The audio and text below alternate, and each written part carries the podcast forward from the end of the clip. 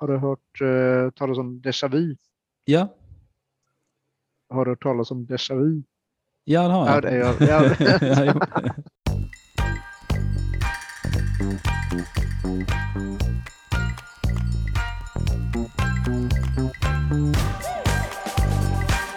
Hejsan och välkommen till ännu ett fullspäckat avsnitt av Nyfiken på facilitering.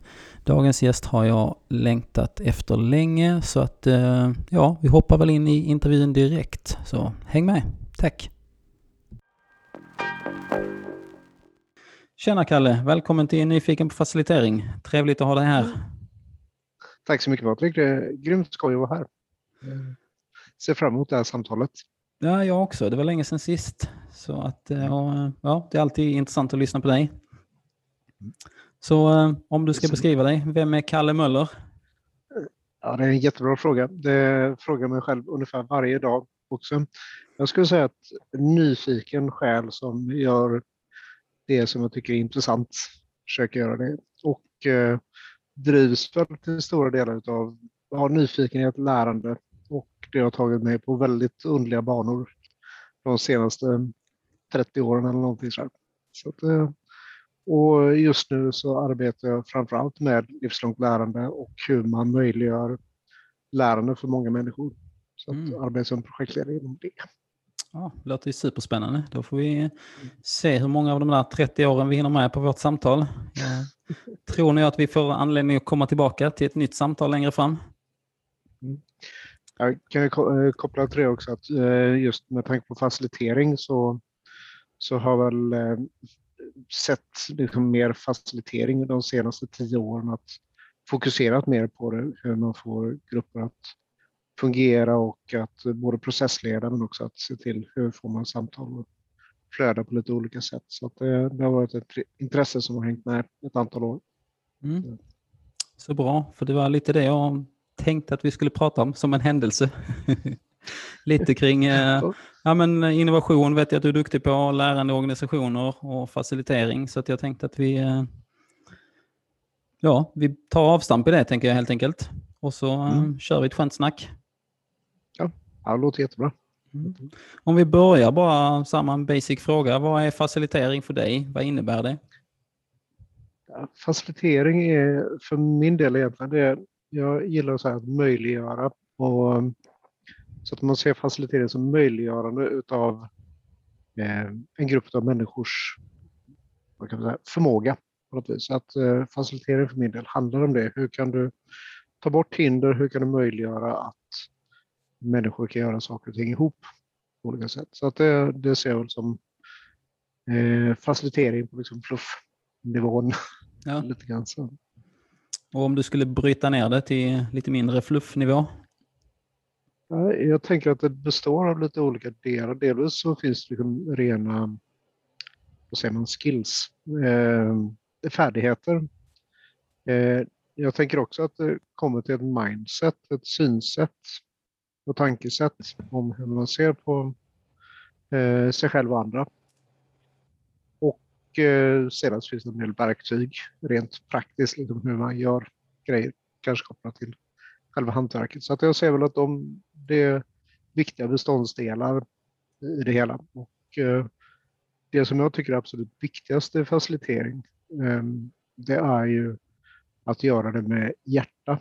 Liksom, man har, det är inte bara en tankeprocess, det är inte bara att man viftar och så här, eh, strösslar med post-its, utan att man, man behöver kunna ja, det underlättar starkt om man tycker om människor. Annars ja. kan det bli svårt att facilitera. Och säga så, så. Hur mycket man än tycker om post-it-lappar så underlättar det att tycka om människor också helt enkelt. Ja, precis. Människor över post-its faktiskt. Ja. Det borde tryckas på någon, eh, något klistermärke, sätter på datorn. Ja, precis. Eller skrivas på en post-it. Ja, precis. Eller skriva på en människa kanske. Ja, precis. Och klistra fast på skärmen. Nej, den är precis. Men eh, jag tänker om vi går tillbaka till det som du sa nu precis, då tänker jag att det hänger ihop med eh, det här tankesättet som du var inne på. Att behöva tycka om människor. Ja, jo, men jag tycker så man, man, kan se facilitering. Det finns ju en, så här, en, den mörka sidan som inte har kakor. Det är liksom att man hjälper människor och ger lite stöd och hintar i olika sätt. Och, eh, om man inte gör det med hjärta så ska jag säga att då är man inne på manipulering istället.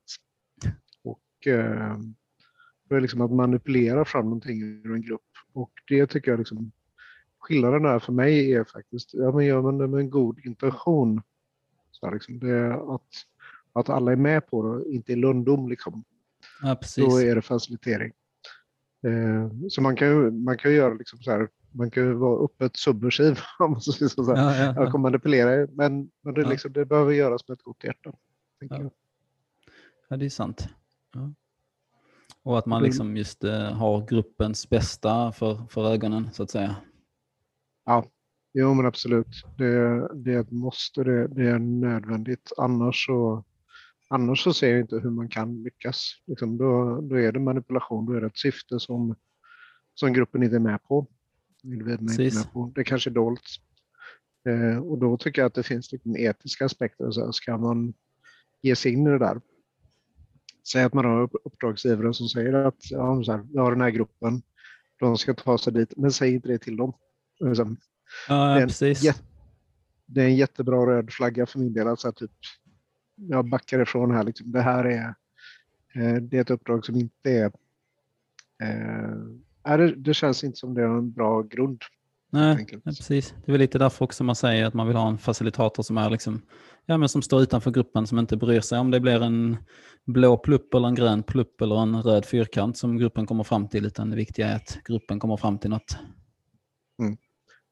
Ja, men precis. Jag tror att det viktiga där är det som du är inne på också. Det är liksom att man ser till hur gruppen fungerar, människorna. Eh, och visst, det finns en process och det finns ett resultat.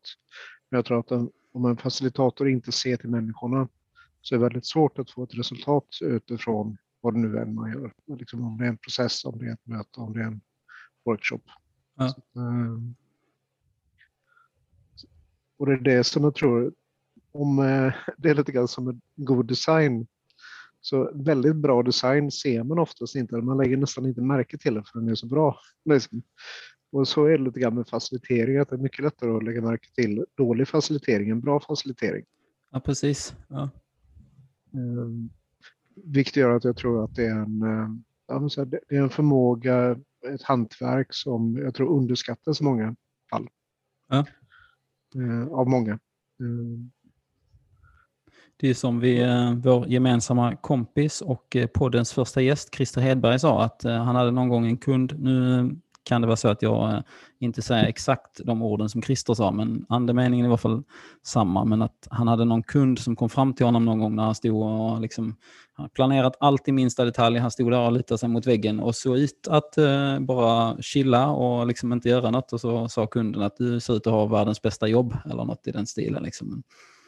Så länge man har, liksom en, har stenkoll på allting under ytan så eh, ser man till så att okej, allt jag har förberett, allting är liksom, allting flyter. Mm. Men man ska inte märkas. Nej men precis, och på sätt och vis, jag tycker så här, det, andemeningen i det är, så- det är, så här, det är ju världens bästa jobb på Ja, sätt och vis. När, när man får lov att göra det. Men en del kan eh, se det som att det ser väldigt enkelt ut. Och Ja.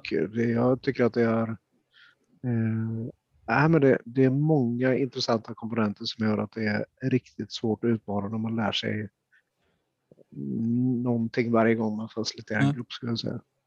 Det är lite som jag som eh, kom, kom jag att tänka på precis nu, jag som har en bakgrund inom restaurangvärlden. Det är lite som när man har en, en riktigt bra servitör som på sitt sätt faciliterar kvällens upplevelse och så märker man ens inte av att personen är där. Utan Mm. saker och ting bara händer. Oj, där var glaset uppfyllt igen. Och, eller Mm. andra saken, att man märker det mycket för att de upplever att ah, okej, men här är ett gäng som tycker om att jag ska vara inne och snacka och liksom eh, jobba med gänget eller liksom paret som sitter här. Men att man känner av det och att man kan anpassa sig efter gruppen eller efter sällskapet. Det är ju likadant som facilitator. Ja, Jag, jag gillar verkligen den eh, parallellen. Jag har jobbat i väldigt mycket, väldigt mycket icke-serviceyrken, men jag tror att det finns att arbeta med exempelvis som servitör och kunna läsa av människor och så här. Jag tror man har så mycket med sig. Det är liksom om undersköterska, servitör, liksom, vad det än man har för bakgrund när man har arbetat med människor och väldigt snabbt behöver så här anpassa, liksom, eller så här, tränat upp sin empatiska förmåga helt enkelt. Ja. Så att man eh, kan matcha och liksom förstå vad är det som andra behöver. Min bakgrund har varit mycket mer inom eh, antiserviceyrken eller så här, eh, in, kommer kom från liksom produktutvecklande kultur så är det mycket så här, ingenjörstung verksamhet tänker, som kanske. På tal om det så tänker jag att det finns en del som lyssnar här som kanske inte känner dig och vet vem du är och din bakgrund och så här. Så istället för att gå in och läsa på din LinkedIn-sida så kan du väl eh, berätta lite om eh, var du kommer ifrån och var, hur du hamnade där du hamnade nu helt enkelt. Ja, det, det kan jag göra. Det, är, det kommer koppla an till så det livslånga lärandet, osökt. Men i praktiken så kan man säga att i, jag går hela vägen tillbaka till högstadiet. För det var inte en bra tid för mig. Så här. Det funkade dåligt. Jag trodde, ja, jag rätt så dåliga betyg och så här. Och eh, kunde inte söka in på de linjerna som, som ville till gymnasiet. Men eh, jag visste att jag var jätteintresserad av elektronik. Ah, ja, ja. Eh, så, att jag, så att jag började plugga eh, elektronik på ELTR, så praktiska linjer och bara nördade in på det totalt. Och eh, sedermera många år framåt så här, efter lite olika gymnasie eh, eh, och så, här, så fick jag jobb som elektronikkonstruktör. Jag hade haft hobby att konstruera datorer så här, ah, okay. elektroniskt. Liksom. Och så fick jag jobb som elektronikkonstruktör på riktigt Jaha, på, ja. på, på, Ericsson och helt plötsligt fick jag konstruera väldigt, väldigt avancerade datorer. Ja. Liksom. Och, ehm, och jag märkte väldigt snabbt att ja, men det här var ju supercoolt. Så jag hade en hobby och så fick jag pyssla med det och så försvann den hobbyn. så, så jag gjorde på ja. riktigt. Och så tröttnade jag efter fyra år. Så nu kan jag göra det här. Nu vill jag göra någonting annat. Ja. Och, då, och då hade jag börjat programmera. Så att då eh, helt plötsligt så tog jag det spåret istället och började som uh, mjukvaruutvecklare och programmerare. Och uh, istället för att göra det på kammaren så gjorde man helt plötsligt det på väldigt professionell nivå. Också på så Ericsson? Att, ja, mm. så det var på Ericsson och lite konsultturer emellan där. Men så helt plötsligt så insåg jag att 40% av all världens mobiltrafik, mobildatatrafik, gick genom kod som jag har skrivit. Ah, coolt. det, är, det är rätt så det är rätt coolt. Och då hade det gått från så här, teknik från teknikens skull, som jag pysslade med innan, då, mm. till teknik för människors skull. Alltså, ja, men det här finns något syfte med det här, så människor kan kommunicera.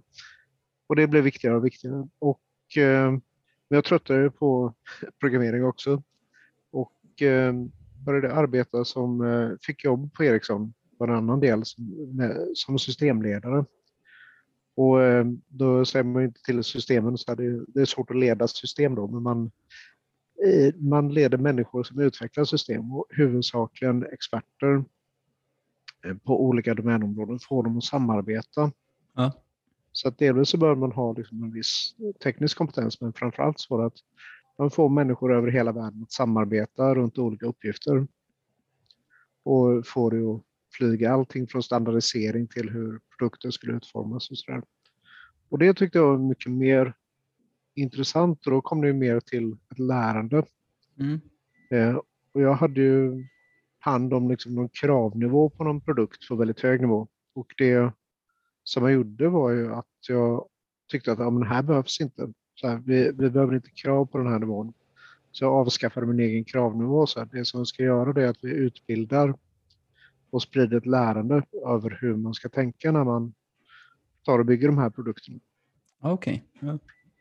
Mm. Så då kom jag in med liksom ännu mer på lärande. Och sedan så arbetar med det och som teknikspecialist inom skumma områden som tar datatrafik och mikrovågstransport och sådär. Men ehm, eh, Eh, sedan så är det faktiskt rätt så exakt tio år sedan som jag blev introducerad till designtänkande eh, utav IDEO och det är en, kan säga, ett angreppssätt att arbeta med innovation på skulle jag vilja säga.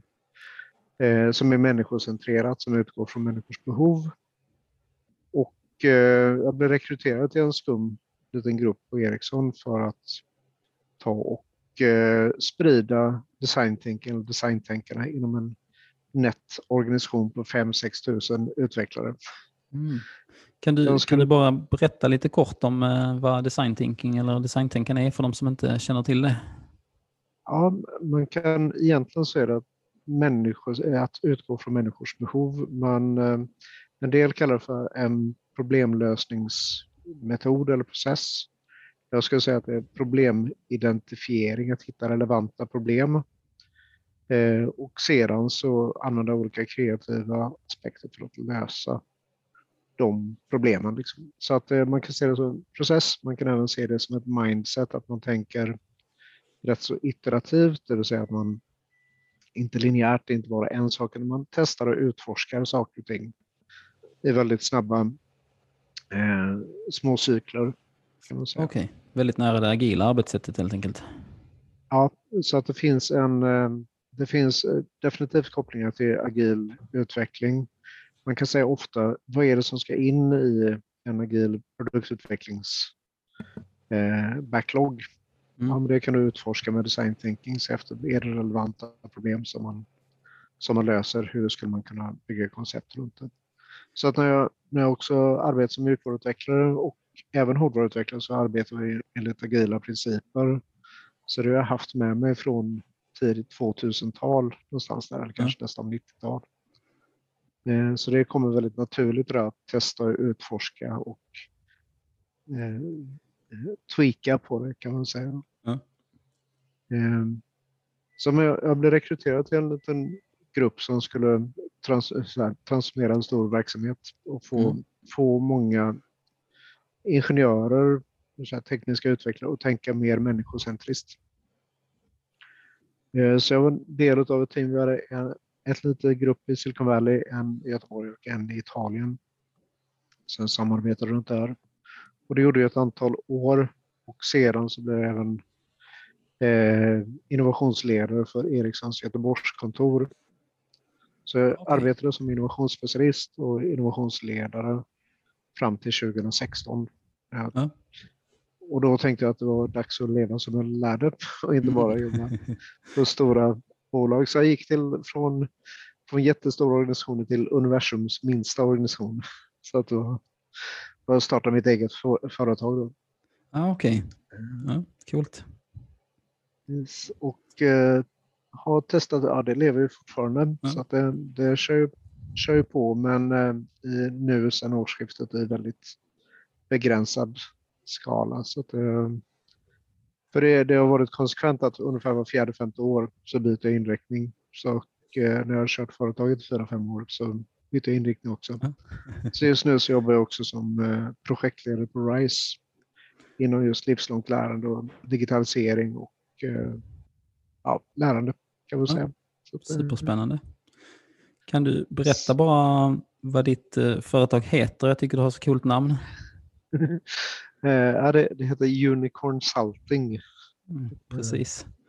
Och så har du någon, äh, inte KPI utan du har någon, vad är det, surprise äh, metric eller vad är det du äh, har kört med? Ja, ja, men precis. Jag hade ett KPI eller ett mätetal, och ja. Key Performance Indicator. Och det är så här, hur ofta överraskar jag mig själv? Den är faktiskt väldigt bra.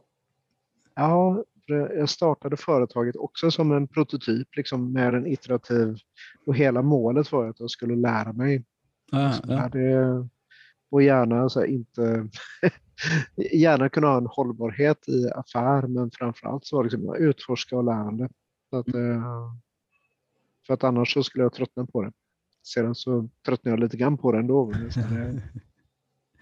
Det är lite som jag med den här podden. Jag gick och tänkte och tänkte och tänkte på att jag skulle starta en podd, men eh, det blev liksom bara tänkande. Och sen så sa eh, Christer då att ja, men det är väl bara att köra. Och så ja, okej då, jag, jag kör. Så hjälpte han mig lite på traven i början och sen så ja, lär man sig efterhand. Mm. Det är mycket ja, roligare så. Ja, men det, det, är just det som är coolt. Jag tycker om eh, jag tycker väldigt mycket om de tidiga, så här, när lärokurvan är rätt brant. Ja. Det, och det, det tycker jag är spännande. Sedan så när den börjar flacka då, så här, då blir det inte lika roligt längre. Med, med några få undantag faktiskt. Jag har några områden som, som jag tycker att det är rätt så härligt att det är en, inte flack lärokurva, men den behöver inte vara superbrant utan där, där har jag kvar liksom ett konstant lärande i bakgrunden. Mm. Mm. Misstänker Det- att något av det är din uh, kampsportsträning eller? Ja, men det, är är- jo, det är så att jag tränar en japansk kampkonst som heter Biinkan Budo Taijutsu. Och eh, tränar även eh, barn, så här, eh, huvudtränare för barngruppen som vi har. Nu så är det lite tråkigt då i de här coronatiderna för att det gör att vi har begränsad träning så att vi, vi kan inte träna så som vi Nej, har klart. brukat såklart. Eh,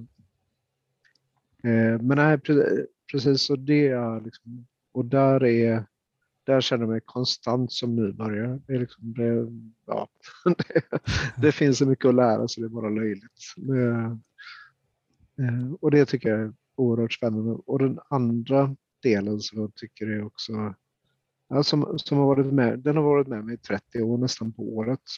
Och det är eh, gruppdynamik och ledarskap överlag. Det är, så här, det är Ah, ett ja. glatt nördintressen som, som jag har haft väldigt mycket genom att observera här, och eh, applicera i hur organisationer fungerar.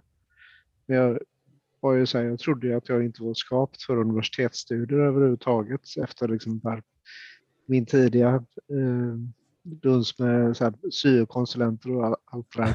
Ja, ja, ja. Eh, Men så i förra året så utmanade jag så här, eh, läste Carol Dwecks bok så här, Mindset ja. och, och funderade på så här, ah, vad är det som jag har så här, eh, fixed mindset runt, liksom statisk mindset. Och då kom jag på att det är min syn på eh, högskole och universitetsutbildningar och min förmåga ja okej. ja. hantera det. Så att jag utmanade mig själv och eh, sökte in till organisationspsykologi Mm. eh, eh, halvfart som jag har läst sedan i höstas. Så, så att, eh, och eh, där har jag faktiskt klarat alla tentor och sådär. Och jag, det var inte alls så att jag trodde att det inte fungerade. Så att det Mm. var spännande att se. Superbra. Och den boken som du sa, i Mindset, just den är superbra. Den är riktigt, eh, kan jag verkligen rekommendera. Jag sökte Mm. för övrigt också in till den kursen nu när du eh, tipsade om den på LinkedIn. Så jag bara, åh, den måste jag. Så till höst eh, går jag förhoppningsvis också den. Så att, eh, ja. Ja, ja roligt. Ja, den, Ja. Jag tycker den är väldigt, väldigt bra. Den, den ger mycket liksom, teoretiska ramverk till saker och ting. Jag har läst hur många så här, businessiga böcker om, Ja. liksom, om ämnet. Men det är jättehärligt att få liksom, den här så väven under, liksom, den teoretiska väven. Liksom, de Precis, det, det tunga som, Ja. som allt det populärvetenskapliga bygger på. Liksom, så, ja. Mm. Och det var min, min sambo, när jag fick kursböckerna så tittade min sambo på mig och sa liksom så här, "Men det är kursböcker, det är inte meningen att de ska vara så roliga. Jag satt och flinade och bläddrade och så bara fnissade högljutt. Liksom. Ja, perfekt. Kallar du dig själv eh, facilitator? Är det en roll som du har på ditt business card eller som du kallar dig? Eh, När det behövs så, så, så är det.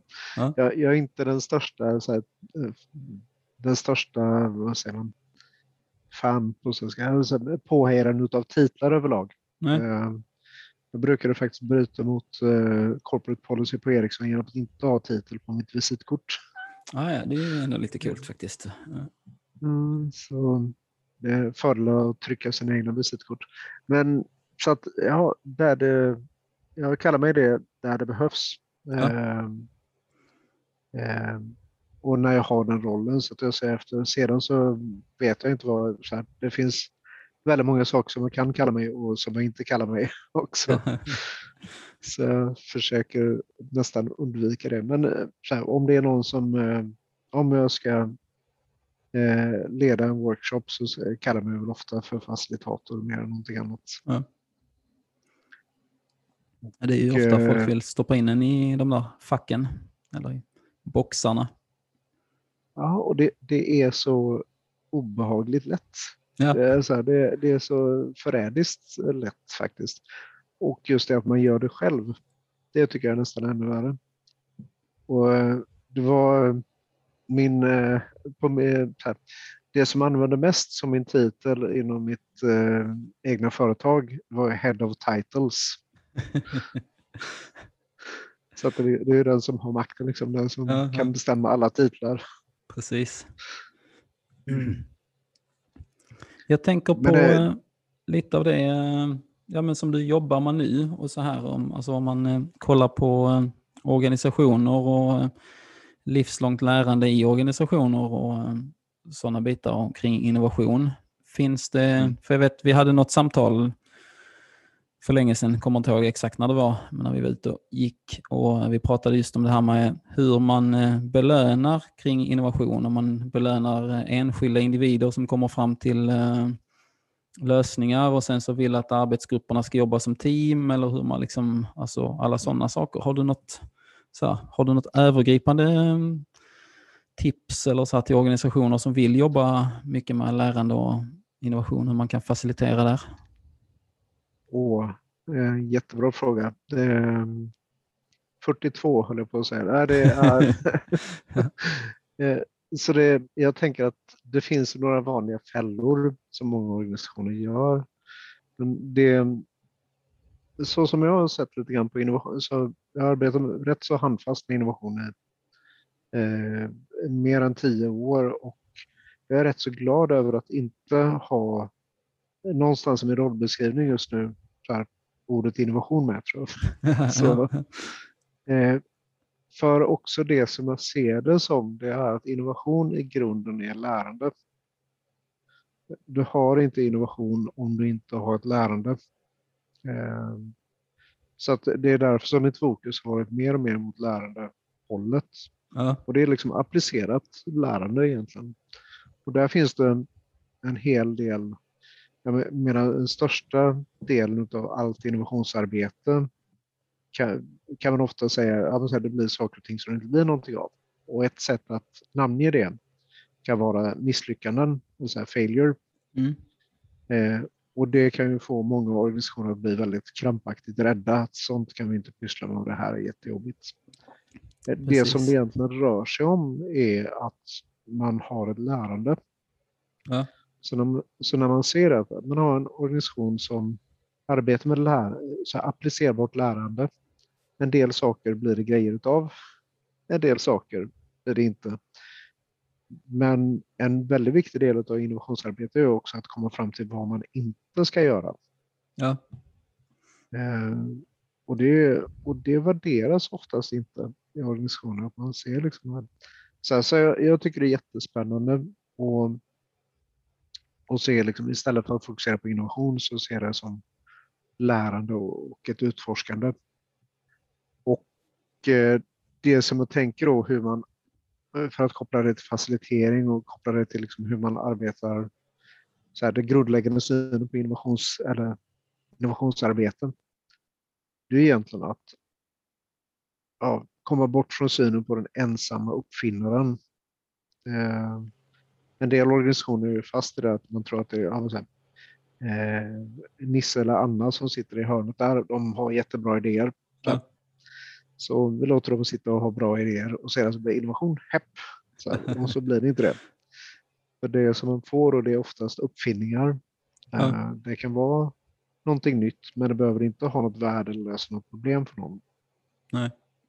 Så min syn när jag arbetar med hur man bygger processer och bygger system för att uppmuntra innovation så har det, en av grundkomponenterna har varit att få mer än en person att samarbeta.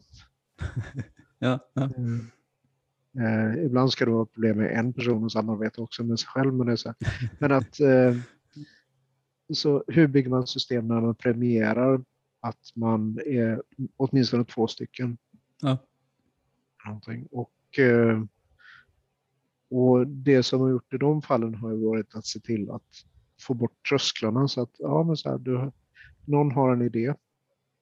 Eh, superbra. Så här, ja, men det är så här, du, och i en organisation ska man säga att ja, du, du får stöd, du får hjälp att ta den vidare. Om du är åtminstone en person till och att ni pitchar in den med fokus på vilka problem är det som ni tänker att ni vill lösa med den. Och då får man automatiskt så här att ja, men du har ett incitament att samarbeta med någon. Eh, och mer, rätt så ofta så kan det vara att personen som har idén kanske inte är den som gillar att prata om idén eller presentera för en större grupp med folk. Suveränt, då vet den personen vad den ska leta för, eh, efter för person, för kompetenser. Ja, man hittar någon som älskar att pitcha och förmedla. Ja. Någonting. Sedan så bygger man vidare på det då. Och, eh, jag, jag tycker att det är så här, att, att se på innovationsarbete som att ja, hur kan man utforska så länge som möjligt? För att det är väldigt lätt tidigt att säga nej till saker och ting. Och eh, nästan reflexmässigt. Men det är ofta det som blir liksom de här riktigt intressanta sakerna. Det är saker som tar sig vidare ändå, om man säger så. Ja. Mm. Men de flesta innovationer är liksom någonting som någon med goda argument skulle sagt nej till väldigt tidigt. Precis. Så, ja. liksom, så jag ser det lite grann som små, små plantor liksom, som man får skydda ett tag liksom, från ja. och så mellanchefsnejet. Liksom. Ja, ja, ja, precis. Ja. Utan någon med lite status och uh, makt eller liksom, uh, som ser till att sätta dem i ett växthus ett tag. Ja, precis. Och, då, och det var ju flera av Eh, de som jag coachade då i att eh, pitcha sina idéer, liksom de här teamen. Eh, likväl så fick jag ju ge regler och liksom facilitera åt andra hållet. Så chefer som kom in för att lyssna på pitchar, ja. De fick ju väldigt snabbt reda på att ja, så här, det, det går inte att säga nej i den första pitchen. Det går inte att säga bra idé så här, dålig idé men går absolut inte. Eller så här, bra idé men är liksom, det är bara ett passivt aggressivt sätt att skjuta ner idéer på. Så att, men att säga så här, bra idé och liksom, få bygga vidare på den klassiken. Liksom. Ja, ja och. Ja. Och då får man ju automatiskt en mer kreativ påbyggande process än en så här, nedskjutande process. Ja. Och det, och det behöver man ofta i väldigt tidiga faser. Sedan så är det så här, innovationsarbete är ju i mitt perspektiv oerhört svårt för det mesta. Så därför kan det också vara enklare att kalla det för ett lärande. Liksom. Ja. Lära oss vad vi ska göra i framtiden. Liksom. Det... Precis. Så om jag ska sammanfatta lite av det som du sa precis så är det dels se till så att eh, man får ner trösklarna, att de inte blir så eh, höga att komma över. Och eh, samarbete, minst en person, helst två. Så att man kan dela upp sig och även olika infallsvinklar. Och sen se det som lärande. Och också det här, vad ska vi inte göra? Avgränsa sig. Mm. Och sen, ja, sen någonting som jag tänker också man ska lägga till, just ta in, alltså, ta in, intressent, alltså, ta in intressenter. Eller så. Det är så många som är väldigt, eh, vad ska man säga, mm, rädda för det här med att ta in kunder eller så och visa saker innan de är liksom färdiga eller när de är koncept eller så här, och ta in dem så tidigt som möjligt och bara tyck till. Ja, absolut, och där, där kan man säga det är kärnan i eh, design thinking så är det just det att ja, det, och det, det är inte att höra efter någon som har pratat med en användare eller kund utan gå direkt och ta reda på vad, hur är det som det kommer användas. Var, var nyfiken. Eh, utforskande där och fråga. Liksom. Men ja, det, precis som du säger, en del organisationer tycker att ah, vi kan inte låta utvecklare prata med kunder. Så, ah, så. Och, det, och då är risken att det blir rätt oerhört låg. Ja, ja. Det, men, det är det som den här skolplattformen i Stockholm nu, eller den här eh, där eh, de har lagt en miljard och så kan man inte eh, sjukanmäla sina barn. Liksom. Det är kanske en rätt basic funktion som man gärna vill ha med, tänker jag. Ja, det, det, där är ett sånt haveri på så många nivåer så jag vet inte ens vad jag ska säga. Det är så här, sucka räcker inte till där. Men det, men det är precis det där, när, du, när man då och det är liksom, om man tänker liksom på det agila, liksom, det är det just liksom agila manifestet och liksom tillbaka till det här. Så liksom, ja, men sen, premierar vi föredrar kundinteraktioner framför liksom kravdokument-ish. Liksom, kommer ja, ja. by heart. Men liksom, vi behöver förstå. Då behöver vi vara intresserade att faktiskt bygga, bygga förmåga och eh, hur man tar reda på saker och ting. Ja. Och det, det tycker jag, det har lärt mig väldigt mycket från design thinking, liksom hur man ser, hur man arbetar med kognitiv empati, att försöka sätta sig in i någon annans skor, att ta reda på, att vara nyfiken och att fråga, våga fråga även när man vet svaret. Ja. Och kanske framförallt då. Verkligen, ja. Mm. Så ja, men absolut. Så att eh, som man säger, samarbeta en grupp människor, gärna med olika kompetenser, alltså mångfald och olika aspekter. Mm. Eh, arbeta med utgångspunkt att koppla det till eh, målgruppen, användarens behov. Eh, och sedan våga testa, experimentera och inte göra saker och ting för färdigt. Det är mycket bättre att visa liksom en eh, tidigt en rätt så dålig prototyp med liksom bara en man, man gör en app som liksom en telefon med post-its eh, post ja, ja, med ja. bilder på liksom bara för att förklara än att man lägger så mycket kräm på att den ska vara perfekt, liksom pixelperfekt. Det är väl någon som har sagt det här med att om man inte skäms när man eh, skeppar sin produkt så, har man, så skeppar man för sent. Eller så här liksom. så att... Ja, det, det är väl också det att faktiskt eh, se att man skeppar någonting för att få feedback ja. och för att förstå om man är på rätt väg. Sedan tycker jag det finns liksom, eh, för att ibland så kanske man vill nå dit eh, pixelperfekta finns också. Ja, eh, men det är så om man gör någonting för snyggt och visar upp liksom, så här, då kan det vara så ja men så här, jag gillar inte grönt. Ja, ja. Det är liksom, det är liksom den, men, ja. men, om man är på tidig idéstadie så här, ja men jag skulle gärna vilja se exempelvis då så här, eh, studiedagar för mina barn. Ja. Det är, liksom, det är den skillnaden. Så att antingen ja. så släpper man för sent, får man ingen feedback eller så här, och man kan inte göra någonting åt det heller. Ja, ja. Mm. Och sen hur man ställer frågor och så här också när man, alltså, nu ska visa lite som det här, eh, vad kallas det, Yellow Walkman problem eller vad det är när Sony Walkman som tog fram den gula Walkmanen på 80-talet eller 90-talet som knappt sålde, men de hade liksom frågat, vill du ha en gul Walkman? Och bara, ja, varför inte? Och så, mm. ja. För att ingen som köpte den sen till slut ändå. Ja, precis, precis. Det, ja, det där att ta öppna frågor, att inte istället för ledande och stängda. Och, ja, men ett av mina favoritkoncept kopplat till det är Vusha D. Mm. Så att, mm. äh, har du hört talas om det? Nej, mm. inte. Det får du gärna berätta om. Alltså, äh, har, du, har du hört äh, talas om déjà vu? Ja. Har du hört talas om déjà vu? Ja, det har jag. Ja, det är, ja.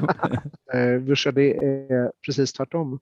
När du ser någonting för hundrade gången men du betraktar det som det är, är någonting helt nytt. Ah, ja. Och då kommer det in, då kommer det in lite grann på beginners mind och liksom så in liksom att se saker och ting utan så mycket fördomar om vad det är. Ja. Fast det, det får man aktivt trycka bort liksom, för att uh, vara nyfiken runt och närvarande i stunden. Ja. Spännande. Sen uh, jag, håller, jag har på skrivbordet här en bok som heter Kunskapsintegration om kollektiv intelligens i organisationer av eh, två forskare på Handelshögskolan i Stockholm som också just pratar om mycket av det vi har pratat om idag, men eh, kollektiv intelligens, business intelligence, hur får man in lärande i organisationer? Och där de pratar om att dagens organisationer är komplexa och att det är lätt för organisationen att övergripa eller överblicka de olika rollerna som du har, men de rollerna, bakom de rollerna så döljer det sig personer.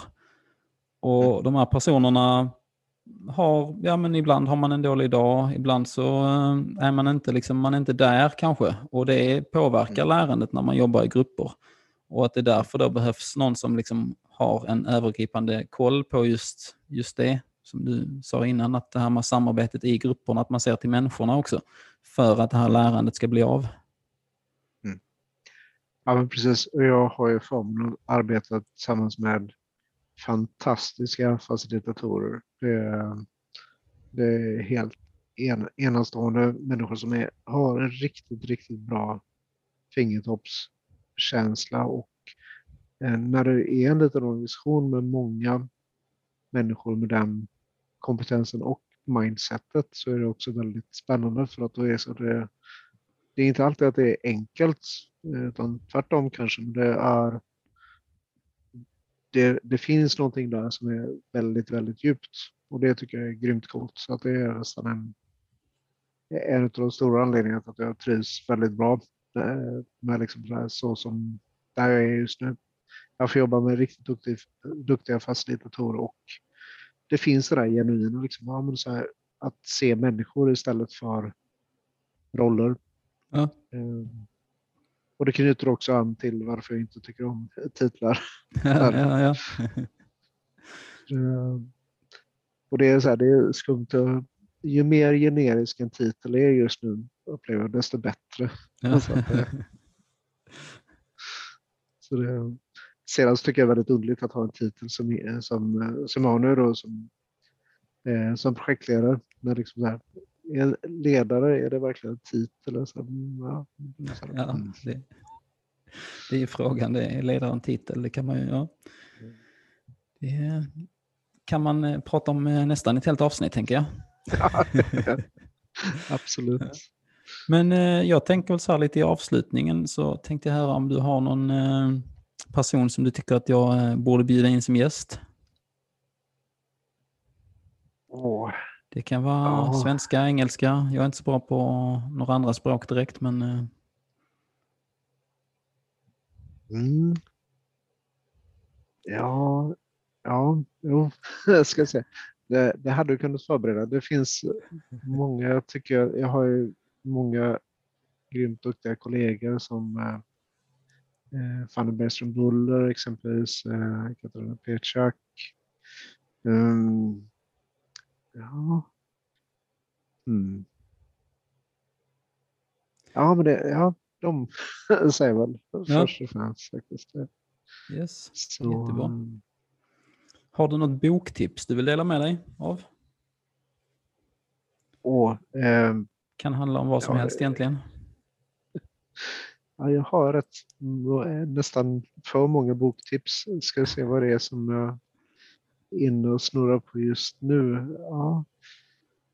Egentligen så tycker jag att en av de coolaste böckerna det är eh, Group Dynamics av Forsyth som är ett tungt, träigt, eh, det, är tokigt många sidor, det är hur många ramverk och sådär som helst, men om man verkligen vill nörda ner sig i eh, gruppdynamik och beslutsprocesser och allt det där så är den, det är den så här köttigaste boken jag har läst på länge. Så att, eh, jag hade alltså kurslitteratur och jag hade nog aldrig fått för mig att köpa den så här utan att gå kursen. Men är den, den, är, den är en höjdare, den har många bra berättelser och stories och som de vä- väver ihop sen med, eh, med teoretiska ramverk. Man får liksom en rätt så djup förståelse. Och det kan vara allting från ja, ur hela gruppdynamik eh, perspektivet, så allting från ledarskap, eh, inflytande, eh, makt till ja, hela paletten. Låter ju standardverk spännande. Ja. Den får jag Eh, spana in. Ja. Jag tror, tror det är Donald Forsyth och Group Dynamics, Yes. om jag kommer ihåg titeln rätt. Den kommer jag leta upp och lägga i show notesen till avsnittet. Så folk kan spana in den. Yes. Toppen. Då tackar jag så jättemycket för eh, idag och så eh, lär du komma tillbaka för det känns som att vi har mycket mer att prata om. Så att, eh, ja. Tack så jättemycket det- Kalle. Ja, tusen tack Patrik. Superkul att vara med. Ha det, ja, så Ha det gott. Jag ser fram emot att höra alla avsnitt här. Tack. Ha det gott. Så, där hade vi avsnittet med Carl Magnus Möller. Hoppas ni njöt av avsnittet lika mycket som jag gjorde när jag spelade in det. Tack för att ni har lyssnat den här veckan och eh, vill ni mig något så når ni mig lättast på LinkedIn där jag heter Patrik Ekstrand eller på valfri social media där jag heter JP Ekstrand. Tack för idag. Glöm inte att prenumerera eller följ på Spotify och iTunes eller var ni nu lyssnar. Tack så mycket. Ha det gott. Hej!